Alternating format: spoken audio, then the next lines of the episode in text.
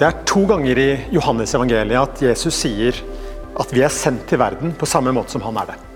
Først er det Johannes 17 i den bønnen Jesus ber før han skal lide og dø. Bønnen hvor han ber for disiplene sine om at de skal være ett, sånn som vi hørte forrige søndag. Han ber også for dem som ved disiplenes ord skulle komme til tro på ham. Det er jo oss. Han er i ferd med å forlate denne verden og ber for oss som fortsatt skal være her. Han ber ikke om at Gud skal ta oss ut av verden, men om at Gud skal bevare oss fra det onde. Vi er i verden, men ikke av den, og sendt til den. Det står i Johannes 17, 18. Som du har sendt meg til verden, har jeg sendt dem til verden. Og det er litt av en sammenligning, spør du meg.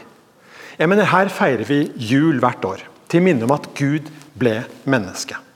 Og ordet ble menneske og tok bolig blant oss. Og vi så hans herlighet, osv. Jesus kom. Han steg ned. Han ble en av oss, gikk inn under våre kår. Gud fikk kjøtt og hud og ble sårbar. Sårbar for kritikk, men også rent fysisk. Han endte sitt liv ved at huden hans ble gjennombåret, spikret fast til et kors som ble reist opp, så han kunne henge der til spott og spe. Jesus ble henretta som en kriminell. Så langt gikk Jesus for deg. Fra himmelens herlighet hjemme hos far til fattigdom og til slutt døden på et kors. Det var Guds store plan for menneskeheten. At Guds sønn fra evighet av skulle bli menneske. For bare som et menneske, som en av oss, kunne han bli det som Det gamle testamentet hadde talt om så ofte og på så mange måter. Sonofferet, syndebukken. Å ta på seg skylden og konsekvensene av alt det gale vi har gjort for at vi skulle kunne gå fri. Jesus ble sendt til jord med et oppdrag. Og så sier han altså i sin bønn før han skal lide og dø Som du har sendt meg til verden, har jeg sendt dem til verden. Den andre gangen Jesus sier det samme, skjer fire kapitler senere. og Da er vi på den andre siden av død og grav. Dette er etter Jesu seierrike oppstandelse. Dødens krefter kunne ikke holde på ham. Gud reiste ham opp fra de døde. og just like that så møter han disiplene med sine naglemerka hender og sier Fred være med dere. Som far har sendt meg, sender jeg dere. Og hva i all verden betyr det for oss? Første søndag i advent 2020. At vi er sendt slik som Jesus. For tre år siden var jeg så heldig å få besøke Egypt. Dette eldgamle landet med pyramider. og I dag bor det 85 millioner mennesker der. 72 millioner av de er muslimer. 10 millioner er ortodokse kristne, og 3 millioner er evangelisk kristne. Og Blant de ortodokse kristne så har det vært en vekkelse de siste 50 årene. Det er hundretusener som har fått et personlig forhold til Jesus og begynt å lese i Bibelen. Og ikke nok med det at det har vært en vekkelse blant de ortodokse kristne. Det har også vært en vekkelse blant muslimer. De kommer til tro på Jesus i antall verden ikke har sett før. Noen sier at en million muslimer har begynt å følge Jesus i Egypt alene de siste åra. La meg ta deg med til søppelbyen Mokattam. I Egypt har det vært vanskelig for minoriteten kristne å få seg jobb i generasjoner pga. den dominerende religionen. Mange var derfor nødt til å eh, få seg arbeid som renovasjonsvesen i byen. Og sånn som i Norge har søppelmengden vokst de siste tiåra. De reiser hjem til folk og henter søppel, og tar det med seg hjem for å sortere det. Og Når jeg sier hjem, så mener jeg hjem. I søppelbyen bor og lever de blant søppel. Du kjenner den sure eimen når du kommer inn i søppelbyen Mokattam. Det er sju sånne søppelbyer bare i Kairo. I den jeg besøkte, bor det mellom 50 og 70 000 mennesker. Men før du nå tenker at dette er en historie om håpløshet og tragedie, så skal du få høre om fader Simon og forvandlingen som har skjedd i søppelbyen Mokattam. For 30 år siden var forholdene utrolig dårlige. Nå er dette snudd til å være en av Egypts store stoltheter. Det er en utrolig historie. Hvis du går inn på TripAdvisor, vil søppelbyen Mokatta nå være en attraksjon. Hva skjedde? Fader Simon fikk et kall fra den ortodokse kirke, hvor han var prest, om å betjene de kristne i søppelbyen Mokatta. Vi kan si kristne i gåseøyne, for dette var mennesker som var kristne i navnet, men mest i betydningen ikke-muslimer. De kjente ikke evangeliet, de leste ikke Bibelen, og de levde på et eksistensminimum. Dyrene, menneskene, søppelet og kloakken var alt på samme plan. Men alt dette før fader Simon kom. Han fikk et kall til å betjene dem som prest, men også muligheten til å dra hjem til et komfortabelt liv et annet sted i Kairo. En sånn ambulerende tjeneste. Men han opplevde at Gud sa til ham, 'Gå og bo der'. Dette førte til en indre kamp hos fader Simon. Og Det er jo veldig forståelig for en som har vært i søppelbyen. Det lukter der. Man kan bli syk av å bo der. Ja, Det er direkte helsefarlig. Gud, du kan da ikke mene at det er dette du kaller meg til? Men fader Simon kjente at det var nettopp det Gud gjorde. Gå og bo der. Så fader Simon tok farvel med venner og familie og flytta inn i søppelbyen for å bo der. Og fra den posisjonen å tjene mennesker og leve sammen med dem der. Ganske snart brøt vekkelsen løs. Menneskene i søppelbyen tok imot evangeliet om en Gud som steg ned og ble en av oss, gjennom fader Simon sine handlinger og hans ord. Søppelfolket fikk høre om deres uendelige verdi. Om en Gud som elsker dem for den de er. De fikk verdigheten tilbake. Og med den nye troen så fulgte det et nytt liv.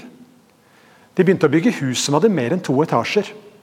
De flytta opp fra grunnetasjen og bygde hus sånn at menneskene kunne bo over dyrene. De bygde kloakkanlegg, de bygde skoler, de bygde sykehus. Etter hvert som tida gikk, så begynte ungdommene å søke seg inn på universitetet. På bakgrunn av det gode grunnlaget som ble lagt i skolene i Mokata. Og kanskje det kuleste av alt de oppdaga noen, noen gamle huler som de gjorde om til kirker. Søk gjerne opp 'Cave Churches in Egypt' på YouTube og se sjøl. Tusenvis av kristne tilber Gud åpent der hver søndag i hulekirkene. Noen av de er så store som håndballhaller eller amfier med sitteplass til flere tusen. Og som om ikke dette var nok. Pga. miraklet i Mokattam kommer også muslimer i Kairo til tro på Jesus og begynner å følge ham. Mange opplever helbredelser, får visjoner og drømmer om Jesus, sånn som vi har hørt om fra andre steder. Siden 2011 har fader Simon døpt mer enn 10 000 muslimer. Det var aldri noe alternativ for fader Simon å dele ut traktater og tale til søppelfolket med megafon fra en plattform bak pleksiglass. Han holdt seg ikke for nesa når han flytta inn der. Litt sånn som Jesus. Gud kunne ikke elske oss fra et helikopter. Han kunne ikke bombe oss med flyere som fortalte oss hvor høyt han elska oss. Han måtte komme som et lite menneskebarn, og Jesus ble som voksen mann den lidende tjener som har betjent deg og meg, og som kaller oss til å betjene hverandre. Og de andre. Ja, dette er kjærligheten, står det i 1. Johannes brev. Ikke at vi har elsket Gud, men at Gud har elsket oss og sendt sin sønn til soning for våre synder. Mine kjære, har Gud elsket oss slik, da skylder også vi å elske hverandre. De elleve disiplene som satt bak stengte dører første påskedag år 33, var redde. Grunnen til at de hadde stengt døra, var frykt. Frykt for at de som hadde tatt Jesus, også skulle ta dem. Ryktene hadde begynt å nå dem om Jesu oppstandelse, men de visste ikke hva de skulle tro. Og de hadde i hvert fall ikke tatt konsekvensene av hans oppstandelse ennå. Da plutselig står Jesus der.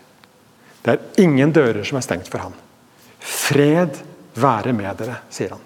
Og så viser han dem sine hender og sin side. Det er meg. Se hva Guds kjærlighet betyr for deg. Jeg ga livet mitt for deg. Forsoningen gjelder for deg. Og nå er jeg også stått opp fra de døde. På den måten så godkjente Gud, min far, mitt liv. Satt godkjenningsstempelet på det ved å reise meg opp fra de døde. Henta meg tilbake hit. Nå er døden den siste fienden overvunnet. Dette forandrer alt. Og så sa han Som far har sendt meg, sender jeg dere. Vit hvem som har sendt dere. Vit hvem som er med dere. Gå ut og lev blant menneskene jeg har sendt dere til, og gjør en forskjell der dere er. Hev temperaturen der det er kaldt. Gi et lindrende glass vann der hvor det er en som er tørst. Og der hvor tomhet og feighet og egoisme rår, så gå inn og gjør det motsatte. Bring inn mening, mot og selvoppofrelse. Gjør det i fellesskap med andre. Jesus sier til meg og deg i dag jeg kaller dere til å vitne om meg. I denne verden hvor det er så mye som gjør vondt for så mange. Jeg har hørt deres bønn, og jeg vil at du skal være bønnesvaret. Har du sett deg i speilet i dag? Har du sett ordentlig nøye etter? Hvis du løfter luggen, så skal du se at du har et frimerke i panna. Noen har det også i nakken eller på overarmen. Det er Gud som har satt et frimerke på deg. Poststempelet er fra Galilea i år 33. På adressefeltet står det Markus 16, 15. Gå ut i hele verden og forkynn evangeliet for alt som Gud har skapt.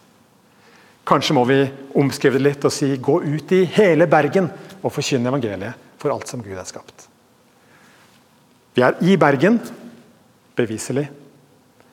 Vi er ikke av Bergen, den må du kanskje tygge litt på, men uansett. Vi er sendt til Bergen. La oss be. Herre, takk for at du elska oss så høyt. At du sendte din sønn, og at du også har sendt oss. Takk at du elska Bergen så høyt at du sendte din sønn. Og så er det til Bergen du har sendt oss.